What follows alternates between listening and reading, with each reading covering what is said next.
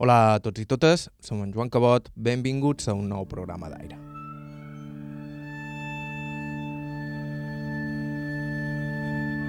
A Formentera, durant generacions i generacions, quasi no hi havia altra opció que guanyar-se la vida que embarcar-se. L'illa ha donat al món milions de mariners, tripulacions senceres que te podies trobar en el racó més allunyat de la boia i que es feien costat els uns als altres, somiant el dia que podrien tornar a casa seva.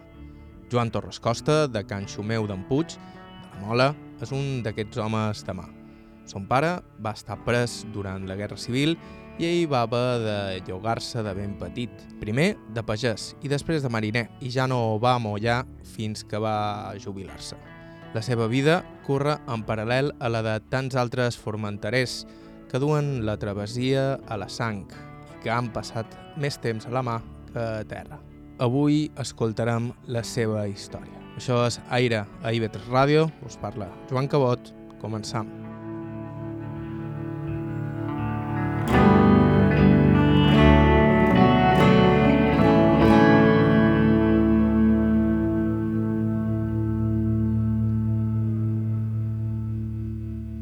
Ho feim amb les habituals presentacions. Aquesta és Joan Torres, entrevistat a la finca que li dona el mal nom. Pues jo som Joan Torres Costa, de Can Xumeu d'en Puig de la Mola.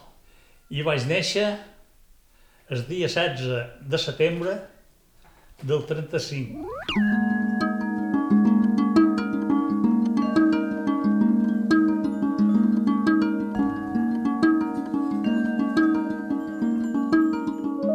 Vostè pensi, vaig néixer el 35 i la guerra va, va, va començar el 36, va estallar la guerra. Ara, vostè imagini quina infància han tingut. Dolenta. Una infància molt dolenta. Perquè jo, d'11 anys, ja me'n vaig anar llogat cap a Eivissa. Ara jo veig un xiquet d'11 anys i és una criatura. És una criatura. Doncs pues sí.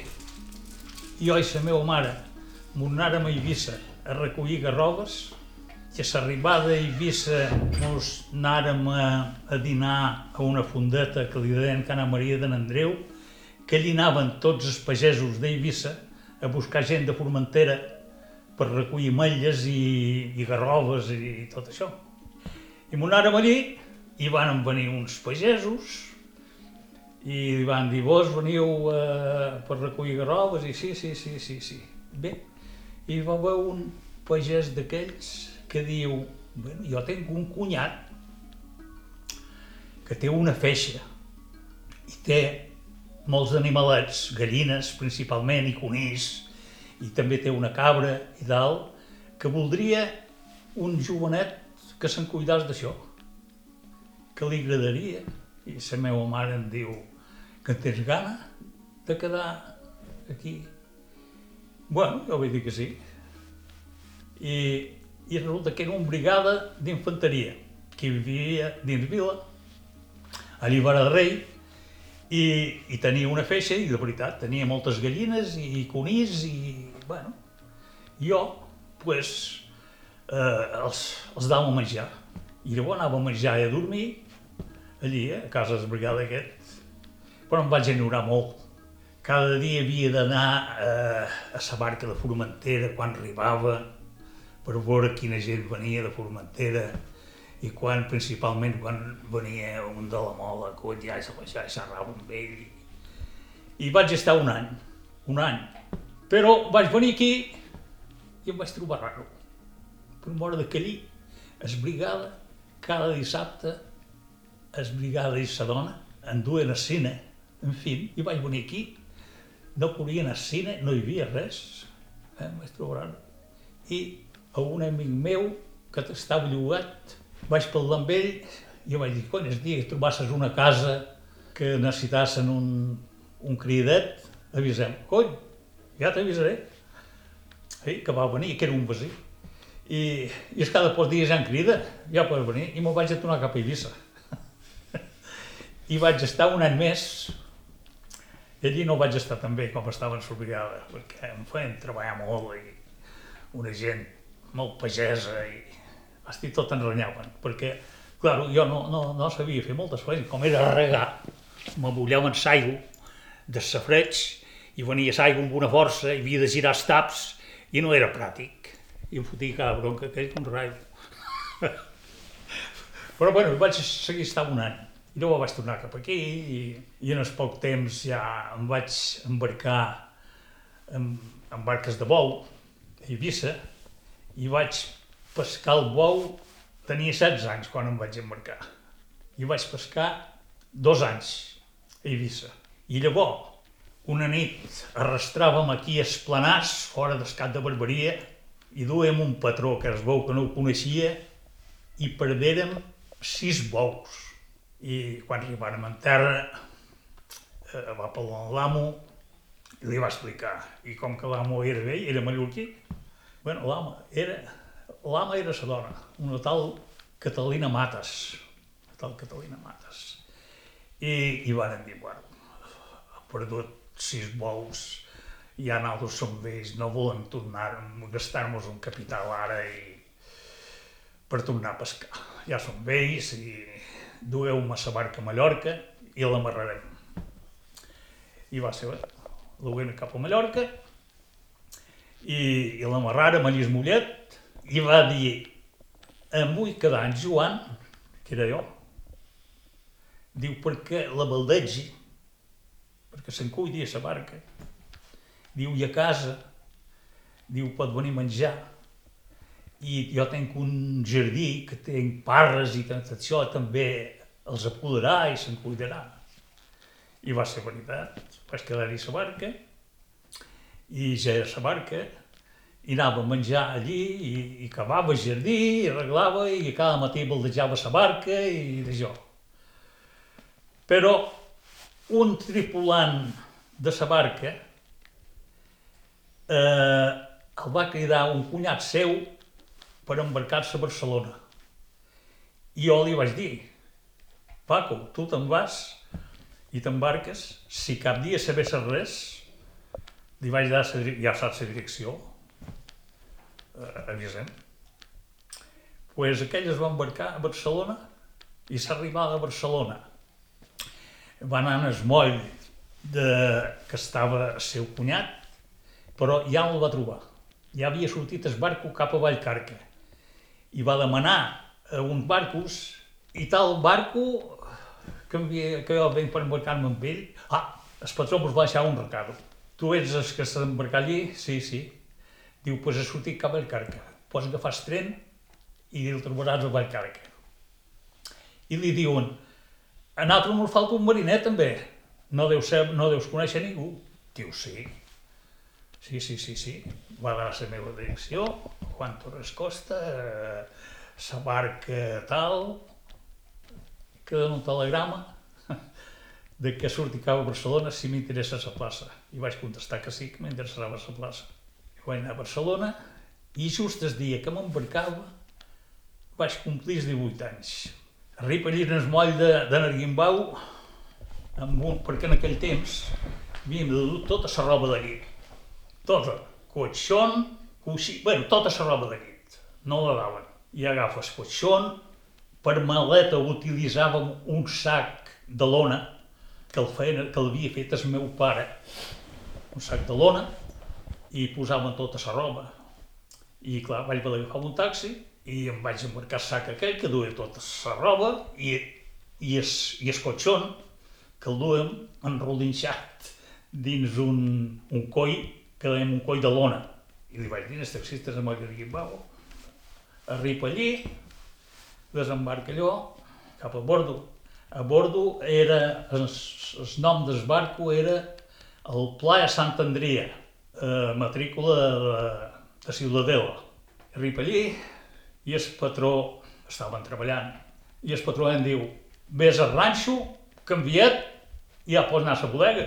Anar al ranxo, vaig canviar, m'arribi dins la bodega, hi havia, a veure quants, hi havia de Formentera, el segon motorista era de Formentera, el Nostramo de Formentera i el mariner de Formentera. i els, els coneixia. I eren homes d'edat ja.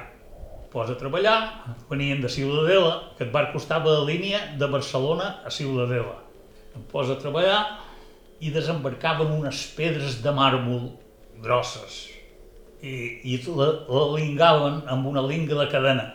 Bueno, jo aquest allí dret mirant i aquells homes passaren la linga, la pedra aquella, i, però els sobrava molta cadena i no dava per tirar-la en su puntal de càrrega, no dava per anar d'altres camions. I els patrons els de acursar-la, acursar-la al màxim, perquè no dona per posar-la d'altres camions. A coll, començaven a rebalejar i, i ningú sabia cursar la cadena. I ell, el patró, es deia, faceu-li una gassa de mà. Bueno, una gassa de mà, una cadena no, no s'utilitza. Jo m'ho mirava i resulta que el meu pare havia navegat tota la vida i em havia ensenyat diverses coses i, i, i cursar una cadena era una de les que m'havia... I dic, bueno, dic, voleu, jo em pareix que sé cursar-la. Ah, oh, sí, sí, sí, sí, va, pum, pum, pum, enganxa. El patró deia, ei, no escapularà això, eh? No, no escapularà. Ja quedaren poques meravillats perquè aquell, aquella criatura, veure aquells homes, sense bregat mai, eh, no va ser ningú que la cursàs. Bueno, no és raro tampoc.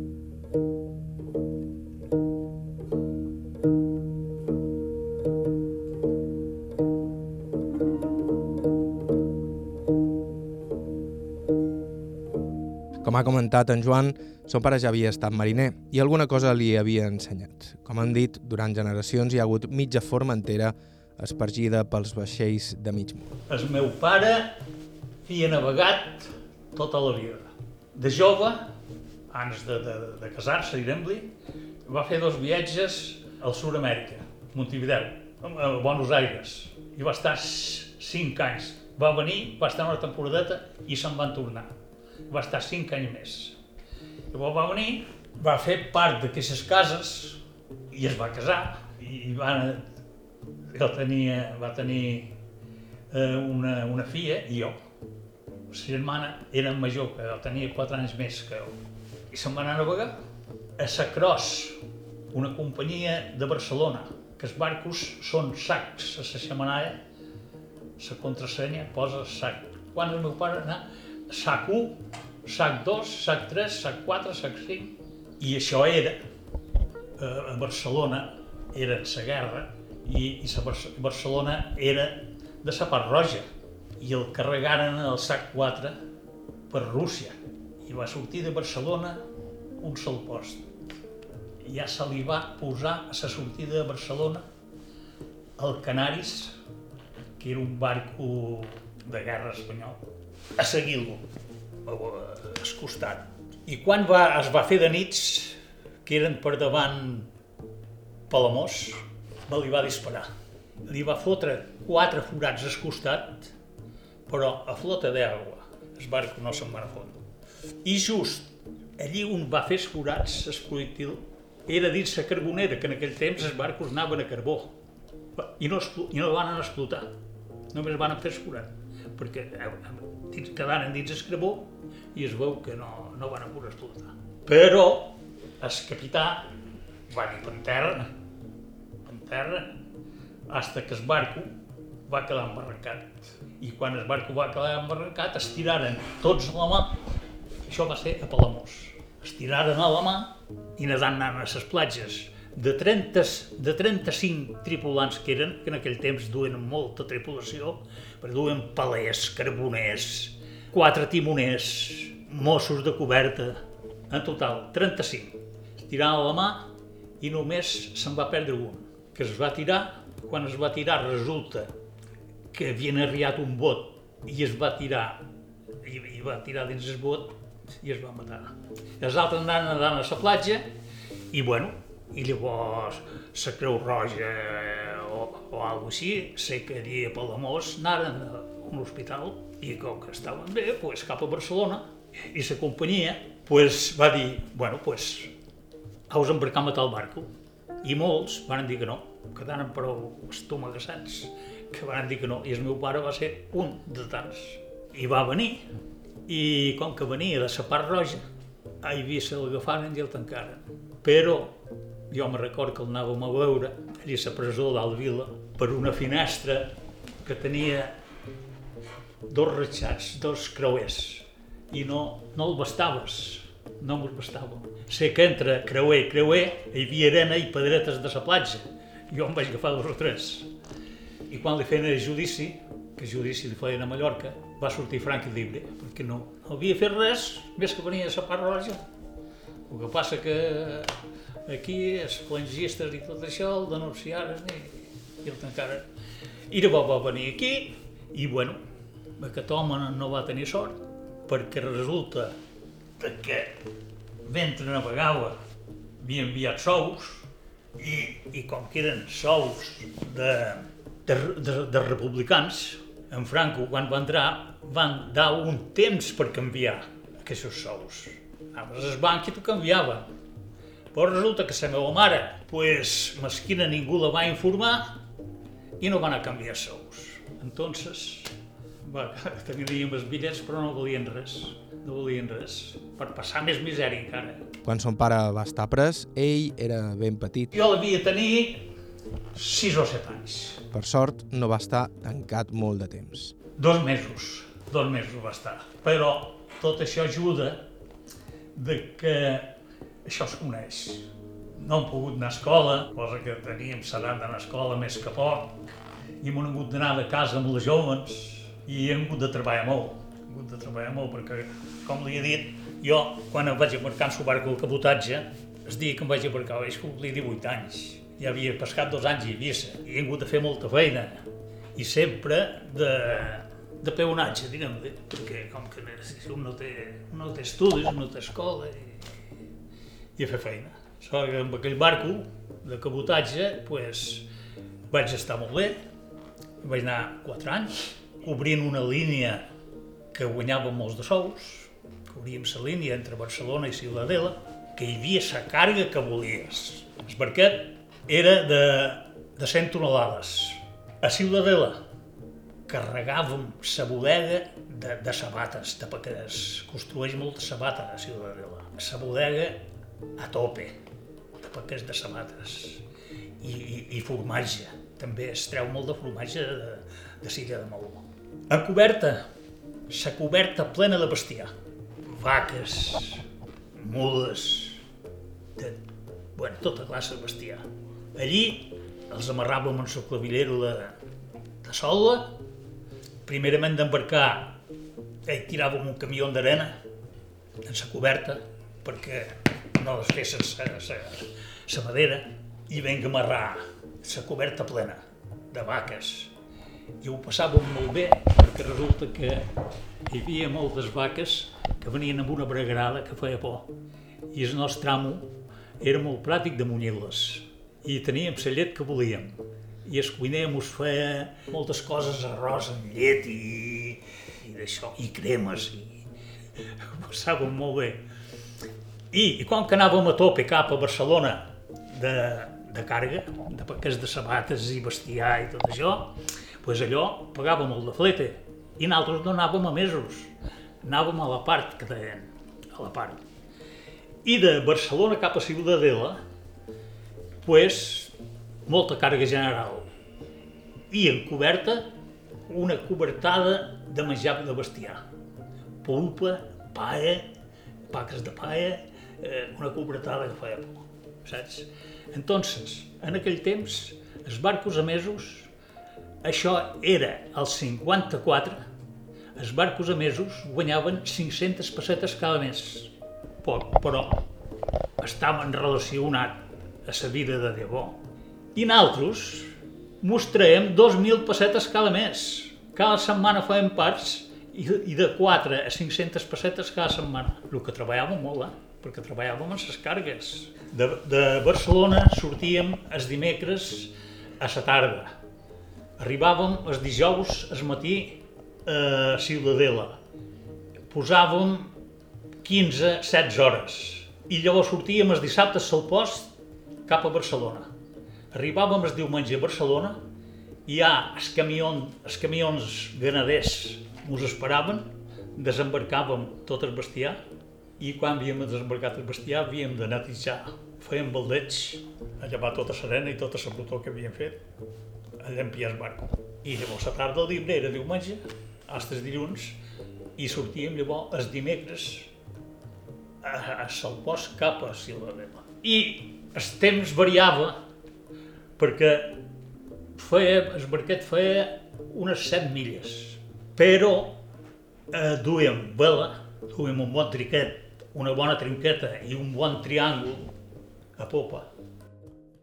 I si hi havia bon vent, ho hissàvem tot i adelantàvem a lo millor eh, dues hores, per això, a vegades, un, un viatge, me record que va ser el viatge que més quedàrem, quedàrem 13 hores, cosa que sempre en fèiem 15 o 16. I bueno, fèiem 7 milletes, i allà de Barcelona a Ciutadella, allà 113 milles. Com era la vida en el vaixell? Pues la vida a bordo, com que són tripulacions eh, de pocs tripulants, en aquell temps era una família a bord d'un barco d'aquestos. Una família. Perquè principalment es que mana el barco que és el patró, però aquests patrons han anat molt de mariners i saben el que és. Entonces eh, tenen un respecte molt gros. No és igual un que només ha estudiat que se'n va dins i no ha treballat mai dins una colla de treballadors. És intel·ligent, però no sap aquells homes a quin tracte ho necessiten. M'entén? I un que ho ha, que ho ha viscut, pues, ja sap el que és i me recorda que aquest home que manava el barco, eh, millor hi havia un rato, bueno, pues a llampiar això, allò, al costat o tal. Bueno, eh, avui ja no venen més camions per carregar tal. Eh, ala, vinga, fora mà, a lo millor les 4 de tarda. Fora mà, vinga, a vestir-se i, a, i a disfrutar. Cosa que un que no ha anat de mariner no ho fa. Eh, que treballi, quan més millor. Perquè he anat a... No, sense despreciar ningú, eh? Però em ve que dir que es tenir experiències de les coses a vegades val molt. I ell, a l'experiència del seu pare i de tants altres formenterers, hi sumaria la seva mateixa, que no seria poca. Tota una vida a la mà. En uns segons continuem amb la seva història. Estau escoltant Aire a IB3 Ràdio, fem una breu pausa i continuem. Hola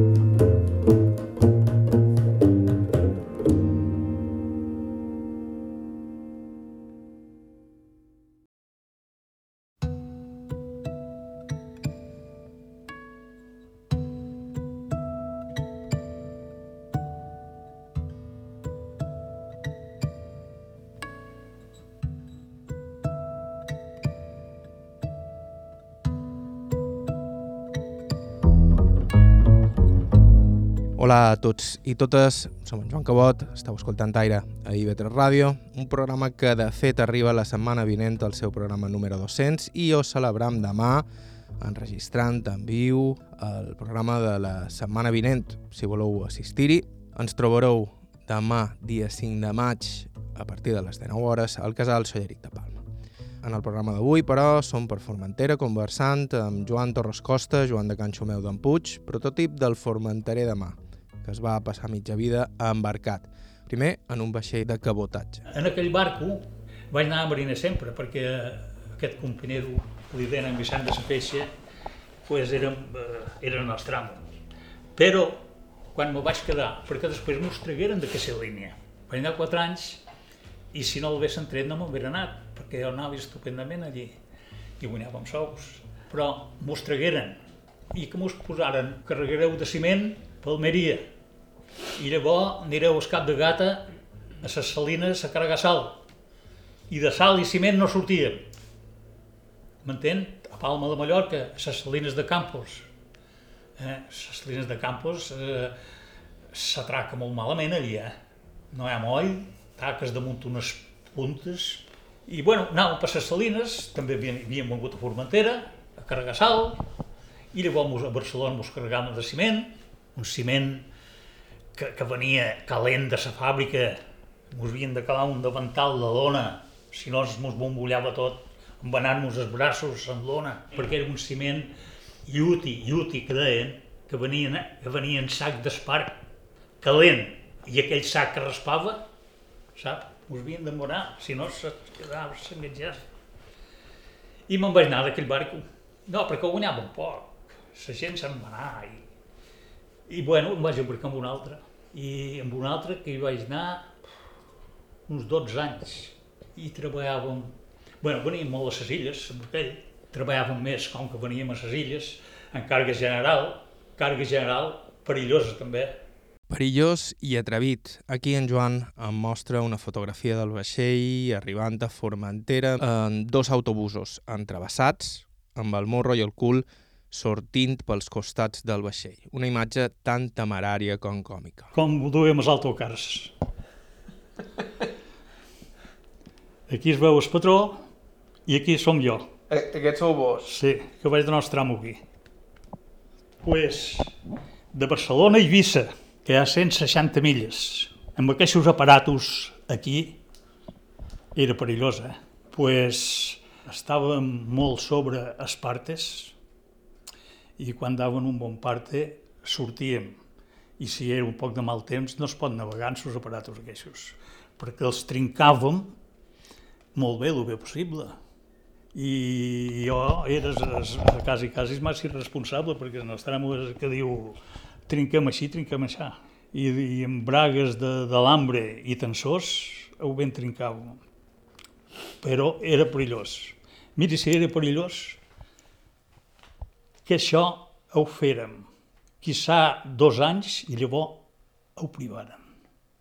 La comandància ho va privar, enviava contramestres pels molls i si hi havia algun barco que ho havia carregat, en altres món feren descarregar un els feia descarregar. Estava privat, perquè era perillós.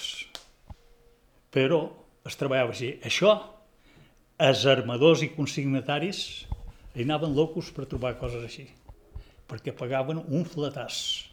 Això pagava molt, transportar els autobusos aquests.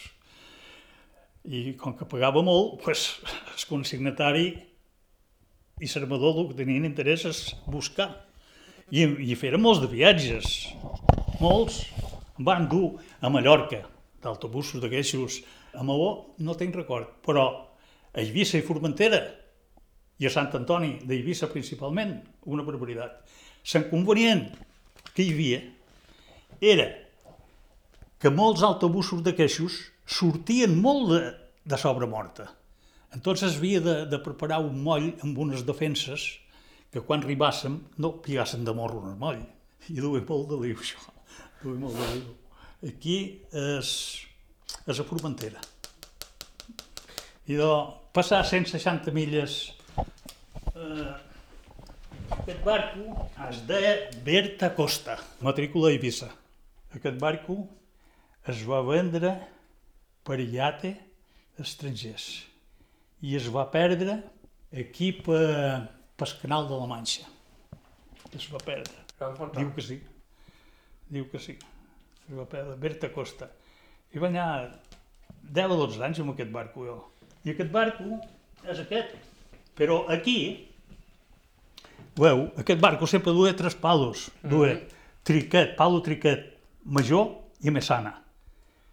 I duia un motor de 60 cavalls, que feia 5 milletes. 5 milletes en bon temps. Però aquí ja duim, li canviant el motor li posaren un 200, ja fèiem 8 milles.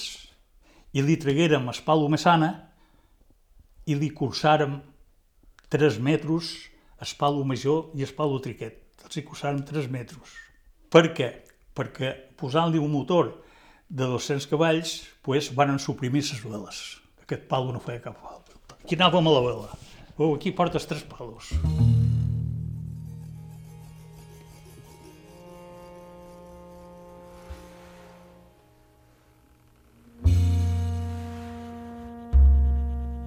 Aquell no seria el darrer vaixell en què s'embarcaria en Joan de Can Xumeu d'en Puig. De fet, passaria més temps embarcat que Formentera, però, com hem dit, un formenterer mai et sentia estranger a la mà. Entre d'altres coses, perquè hi tenia més veïns allà que a terra. No, navegant no minorat perquè resulta de que un, un, un s'hi fa, un troba bons amics, un surt en terra i, i en fi, eh, si estàvem a Formentera sabíem a, a quina feina havíem de fer. Arrencar roca, eh, a treure corrals de fems i, i feines d'aquestes. I, I guanyar poc. I allí estàvem millor que si estàssim a casa, perquè guanyàvem sous i menjàvem i dormíem, males comoditats amb aquests barcos eh, en surfai de bots dolentes. Perquè jo li explicaré. Veníem a Barcelona, ens hi a carregar de ciment. Carregàvem de ciment, sortíem de les bodegues plens bruts. No hi havia una dutxa. No hi havia un repaio perquè eh, hi havia solament un vàter i era prou petit que només es podies estendre els braços. Doncs pues amb aquell fred que feia, havies d'agafar un balde d'aigua, posar-te en coberta i fer-te net. No te podies... Eh? Pues, amb aquell fred. Ja ho veu, enmig de l'hivern. Ja veu quines comoditats. Si era les hores de menjar, dinar o, o sopar, o, no hi havia una taula. Agafàvem el plat, el costum des, dels mariners era agafar un cantó de pa, el posàvem baix del plat i mos arrufàvem per allí, per allí on podíem menjar. Aunque el plat estava molt calent i calàvem un cantó de pa així davant i en salta menjar.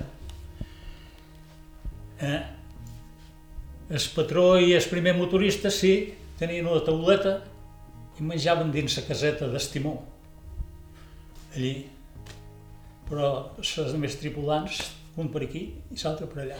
I no aquests barcos. Jo em havia fixat a la transmediterrani, correus, eh? jo anant de passatge, anant i venguent, que els mariners anaven a una taquilla, un, taquilla, els daven un plat de llauna, menjant i també s'arrufaven per aquí i per allà. Ara no, els oficials, oficialitat, tenien un comedor. I, i és que no hi havia lloc en aquells barcos, perquè jo veia que hi havia uns salons i estaven buits. Ho havien pogut preparar per un comedor per la tripulació. Però no. Han progressat molt per bé, si mateix, en moltes coses. Perquè un temps la gent de la mà no anava de bromes. Els oficials arribaven a ser increïblement cruels amb els mariners, reflex de les condicions de feina a bord. Bueno, la gent de la mà sempre ha estat bastant exigenta. La gent de la mà ha estat bastant exigenta. Perquè de sentir comptar els barcos en travessia Amèrica a la vela, pues, duen escandaloses que diuen. Que per dar una escandalosa i aferrar-la, aquí no em porten escandaloses, es té de pujar, han de pujar els mariners dalt el palo i aferrar aquella vela. O dalt-la, allò els tomadors i dalt-la. I el primer oficial i el nostre amo en coberta a vigilar. I és que no ho feia bé, estava amb una, amb una porra de pell i quan arribava li botina un parell de, de, de porrades. Això, passat a la mà. Corrien escorricant, agafaven molt de, molta tonina, per aquests mars, l'Atlàntic, i, i quan tiraven la tonina a bordo, les trossaven i el capità deia les tallades per la cambra, els caps pel ranxo. Tot això m'ho han contat homes que hi anaven. Les tallades per la cambra, els caps, que s'ha digut més espines tenen, eh? pel ranxo, a prova. Jo, la veritat, he anat amb bona gent. Amb bona gent. Ara, que jo he estat molt responsable. això és molt complidor. Eh, o sigui que no... M'han manat el cosa i l'he feta. I si no les havia fet, els he deia. I m'ho feien veure. Jo no he trobat gent dolenta. Tot el que li estic contant a set en el govern franquista. El govern franquista només mos dava 20 dies de cada any. Me'n anava, treballava tot un any i, i quan feia l'any andaven 20 dies de vacacions.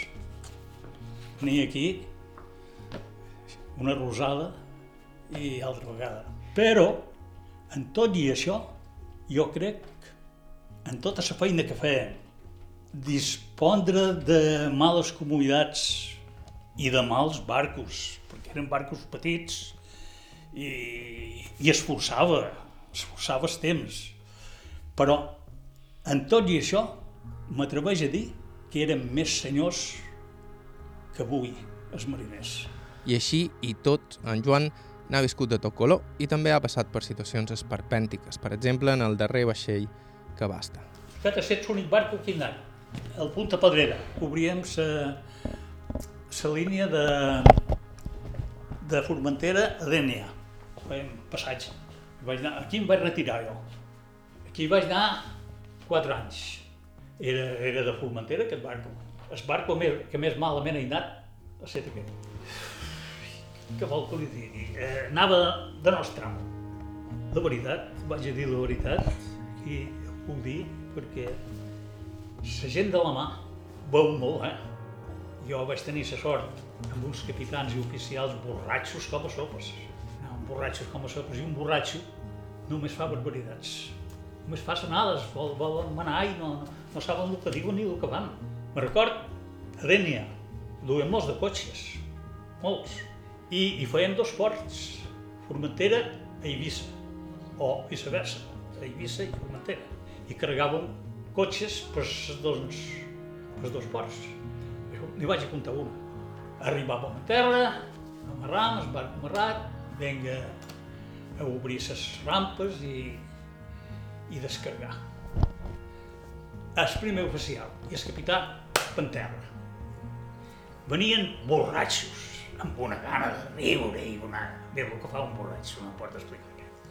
Jo feia entrar cotxes per dos ports, però tocant els d'Eivissa, anant a Eivissa primer, feia passar tots els de Formentera primer i els d'Eivissa darrere de tot per arribar a Eivissa i que no estàs mesclats, perquè si mescles fas un desastre. Llavors no poden sortir d'Eivissa i, entonces fue per cas de Formentera primer, que quedassen a prou o desgraig talment, i llavors els d'Eivissa darrere, que era el primer port que tocàvem. Eh? I n'hi havia una plaça, jo anava fent entrar, els d'Eivissa. Arriben, arriben, el capità i el primer oficial, ve i tant de cotxe aquí. Bueno, no, no, aquests són de Formentera, i els fa, no els deixa entrar, els fa esperar que entrin els d'Eivissa primer. ¿Qué va, hombre? ¿Qué va? Venga, coches para dentro. I venga. Ah, la cobrarra, oi? Va fotre un mescladillo que quan arribàvem a Formentera, un desastre. Un desastre. Vinga a cridar, a veure que vengui el conductor de, del cotxe matrícula tal perquè es fa nosa. Va armar un desastre. I desastres aquests no pot contar-ne més. Així, no és raro si a la mà passen coses que no haurien de passar. Barcos embarrancats per, per, per, per parar el Castellí i, i, i, i bueno, un desastre. En Joan mai va ser un irresponsable. Si m'explica algunes històries sobre el contraband de tabac, que quan era jove era una cosa molt habitual, però basta conversar una estona amb ell per intuir que estàs davant d'un home recte. M'ha agradat esdevertir-me com el primer, eh? perquè el que havia dit interiorment, eh, en aquell temps treballàvem molt, però a vora avui eh, érem senyors, perquè ens cansàvem. Estàvem 3 i 4 dies entre operació de descàrrega i càrrega, estàvem a port 3 o 4 dies. A Barcelona ens cansàvem d'anar a bons teatres, a bons cines, a bones discoteques i, de compres i divertir-nos.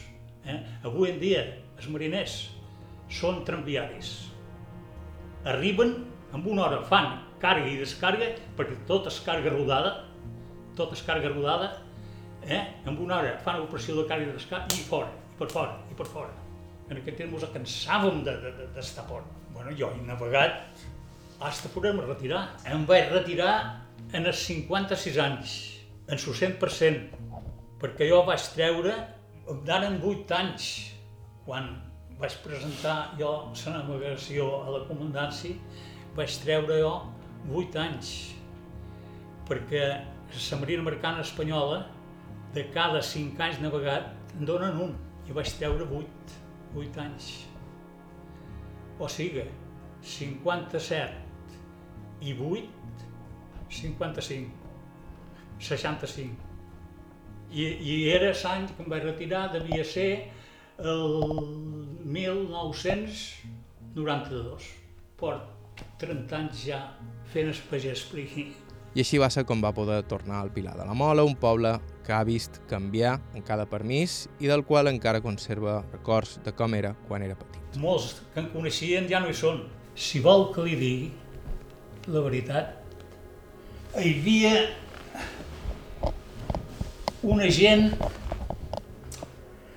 més sociable que ara, amb molt de respecte a, a tot Déu, la que ara.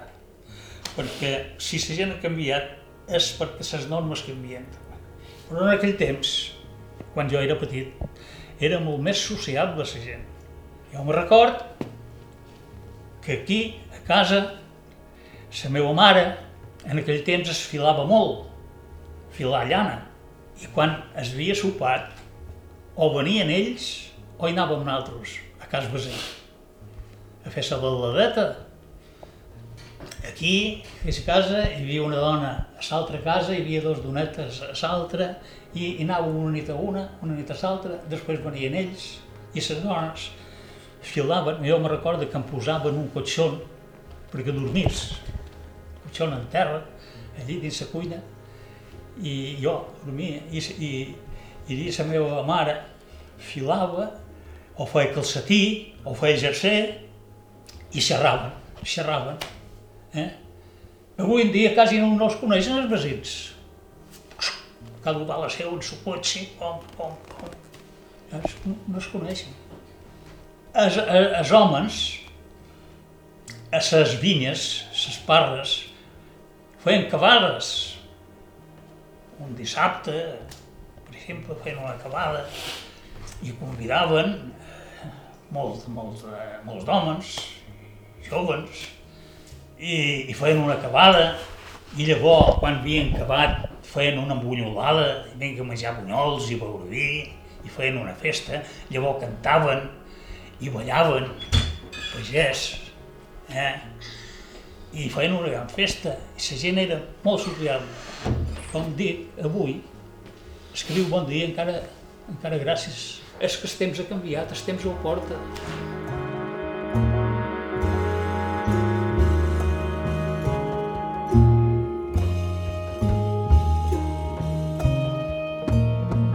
Tots aquests canvis, en Joan té com a refugi el bocí de terra que li dona el mal nom, Can Xumeu d'en Puig, que és on feien l'entrevista. Can Xumeu d'en Puig és aquí i havien sortit de Can Puigset de Dalt, aquesta casa que hi ha allí, una casa antiga però ara està reformada ja, allí és a Can Puigset de Dalt, allí és a casa meus abuelos, és allí on va sortir el meu pare.